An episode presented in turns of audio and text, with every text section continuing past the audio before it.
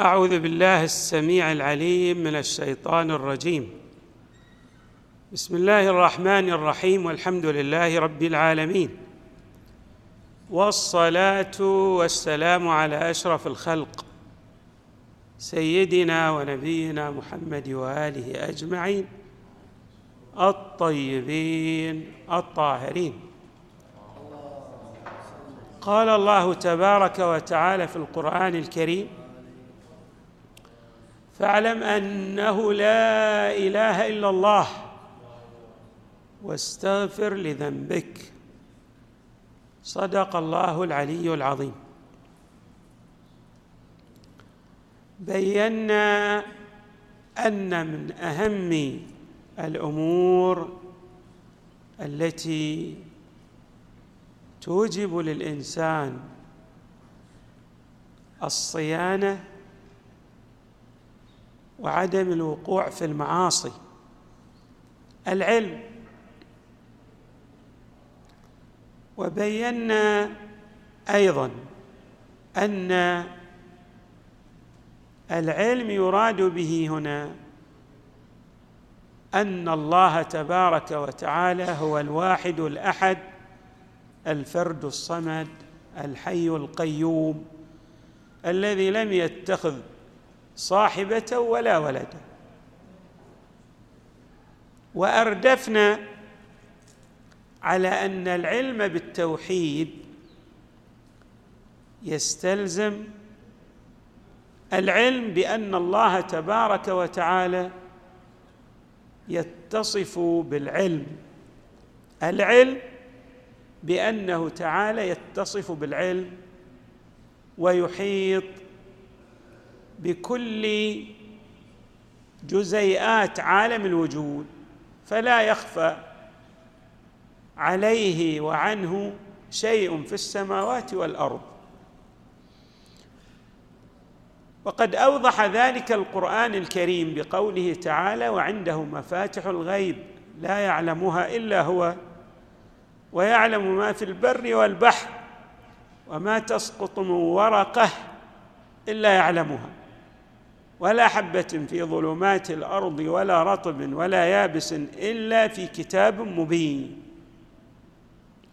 فإذا أدرك المؤمن بأن الحق تبارك وتعالى يحيط بوجوده علما بل بكل جزئيات وجزيئات عوالم الوجود وهو مهيمن عليها وحاضر وناظر عندها ولها. وهو معكم اين وهو معكم أينما كنتم. الله يعلم بكل شيء. عندئذ هذا العلم يستوجب صيانة النفس. لأنه يرى العالم بالله أن الله المحيط به علما والحاضر لديه في كل حركة وسكون يفعلهما فلا يجترئ على معصية الله. وهذا العلم عبر عنه في طائفة من الروايات الواردة عن النبي صلى الله عليه وآله. والأئمة من أهل البيت عليهم السلام بمعرفة النفس. وجاءت الروايات على هذا النسق وهذا النحو من عرف نفسه فقد عرف ربه الذي يعرف نفسه فهو عارف بالله تبارك وتعالى. اذا حري بنا أن نلتفت إلى الأهمية الكبيرة لمعرفة النفس. الروايات متعددة في هذا الصدد بالخصوص الكلمات القصار التي جاءت عن مولانا أمير المؤمنين عليه السلام. الإمام له كلمات متعددة في معرفة النفس. نعم. قال عليه السلام من عرف قدر نفسه لم يهنها لم يهنها بالفانيات. يعني لا يتوجه إلى الأمور التي تفنى لا بقاء لها ويدنس وجود ذاته المقدس الطاهر. بما يستوجب ماذا؟ تدنيس هذه النفس الطاهرة. لم يهنها بالفانيات. ويقول عليه السلام أيضا بأن هذه المعرفة للنفس توصل الإنسان إلى الغاية القصوى إلى نهاية المأرب. فيقول عليه السلام من عرف نفسه فقد انتهى إلى غاية إلى غاية كل معرفة وعلم. الذي يتعرف على نفسه فهو يعرف. جميع ما خلق لأجله. كل ما يتعلق بالمعارف والعلوم يرتبط بمعرفة النفس لأن الإنسان خلق من أجل التعرف على مبدئه. فإذا عرف الله تبارك وتعالى أوصلته هذه المعرفة العملية كما أوضحنا فيما تقدم إلى الكمال. والخلود في جنات النعيم. فقد انتهى إلى غاية كل معرفة وعلم. ولهذا جاء في مقطع من أدعية مولانا زين العابدين عليه السلام واجعلنا من الذين عرفوا أنفسهم وأيقنوا بمستقرهم. فكانت أعمارهم في طاعتك تفنى. عندهم هدف وغاية أن يقضوا هذا العمر في طاعة الله وأن يفنوا هذا الوجود والقدرات التي لديهم في سبيل الله تبارك وتعالى. وهذه المعرفة تستوجب الخشية من الله. من كان بالله أعرف كان منه أخوف. إنما يخشى الله من عباده العلماء. العلماء هم الذين يخشون الله. ورد عن إمامنا أمير المؤمنين عليه السلام في هذا الشأن أكثر الناس معرفة لنفسه أخوفهم لربه هذا الذي يخاف من الله لأنه يعرف نفسه أنها فقيرة مفتاقة إلى الله عاجزة لا حول لها ولا قوة إلا بالله. ويقول عليه السلام الذي يجهل نفسه لا يستطيع أن يعرف الله تبارك وتعالى المعرفة التي توصله إلى السداد المعرفة التي تؤدي به إلى الرشد. عجبت يقول عجبت لمن يجهل نفسه. كيف يعرف ربه؟ هذا عنده مانع يمنعه من الوصول إلى معرفة الله. طيب. اذا حري بنا أن نتعرف على أنفسنا. لأن هذه المعرفة للنفس تقود الإنسان بنحو طبيعي إلى معرفة الحق تبارك وتعالى. وقد سئل النبي صلى الله عليه وآله بمجموعة من الأسئلة وأجاب عنها بإجابة غاية في الجمال. نعم. دخل رجل على رسول الله اسمه مجاشع فقال يا رسول الله كيف الطريق إلى معرفة الحق؟ فقال صلى الله عليه وآله معرفة النفس.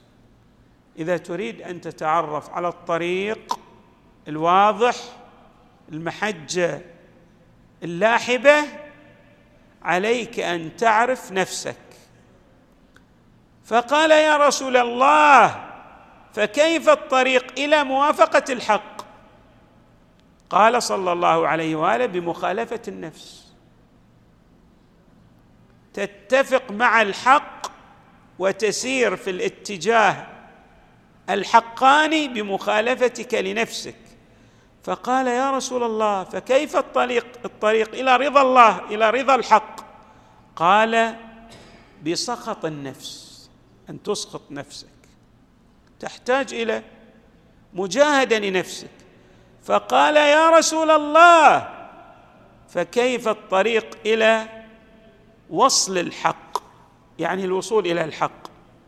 فقال بهجر النفس. يعني الملذات.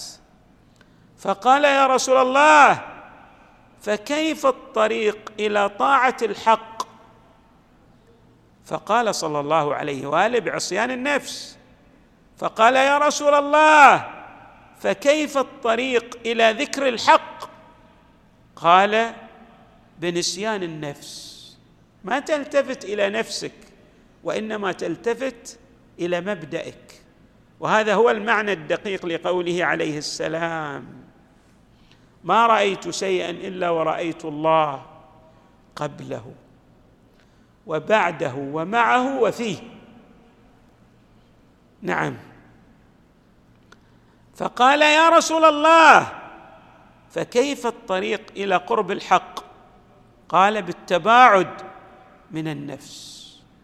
يعني تتوجه إلى الله بكل وجودك. لهذا في الأشعار عارف يخاطب نفسه يقول فقلت ما أذنبت؟ فقالت مجيبة وجودك ذنب لا يقاس به ذنب أنت تمحور كل عوالم الوجود حول شخصيتك أنا كذا وأنا كذا وأنا فعلت كذا. وتبين أنك جميع الأشياء تريد أن تدور حول كعبة ذاتك. والله ماذا يريد؟ أن تجعل الحول والقوة والطول والهيمنة والكبرياء للحق تبارك وتعالى. وترى في نفسك حقيقة العبودية. فقال يا رسول الله فكيف الطريق إلى الأنس بالحق؟ قال الوحشه من النفس. فقال يا رسول الله فكيف الاستعانة بالحق على النفس؟ صار يسترسل في الأسئلة والنبي صلى الله عليه وآله جميع الأجوبة ربطها بما يتعلق بالنفس. حري بنا أن نلتفت إلى هذا النسق النحو من المعرفة العملية للنفس لأن الإنسان إذا عرف فقره واحتياجه عوزه إلى الله. بالطبع الإنسان قد لا يتعرف على المعرفة الدقيقة إلى نفسه إلا بأمرين. الأمر الأول هو أن يتأمل في عالم الوجود ويتفكر ويقرأ الكثير من المعارف العلمية التي تهديه إلى معرفة الله كالأبحاث العقدية مثلا. والأمر الثاني تفكير وحده لا يكفي. الإنسان إذا مر بالابتلاءات التي تمحصه الابتلاء سبحان الله كلما يمر على الإنسان ابتلاء يصقل هذا الإنسان. الابتلاء هذا الذي ماذا يطهر الإنسان؟ يزيل عنه ماذا الرواسب؟ ولذلك نقرأ في بعض الأحاديث أن النبي صلى الله عليه وآله دخل في بيت أحد الأشخاص فسقطت بيضة ولم تنكسر البيضة فتعجب الحاضرون. هذا صاحب البيت قال أنا أصلا ما أصبت ببلاء قط. ما الله ما اصاب النبي قال لمن معه قوموا بنا. نريد أن نخرج من هذا البيت. قيل له يا رسول الله لماذا؟ قال ليس لله فيه نصيب. اللي الله ما يبتليه ما يتعرف على حقيقة هذه الدنيا على أن هذه الدنيا فانية وأن المستقر والمصير إلى الله. ألا إلى الله تصير الأمور. إنا لله وإنا إليه راجعون. ما يعرف حقيقة الرجوع إلى الله تبارك وتعالى إلا بالابتلاء. ولهذا حري بنا أن نوغل في معرفة النفس في فقرها واحتياجها إلى الله في عوزها في في ضرورة ارتباطها بالغني المطلق بالله تبارك وتعالى. يا أيها الناس أنتم الفقراء إلى الله.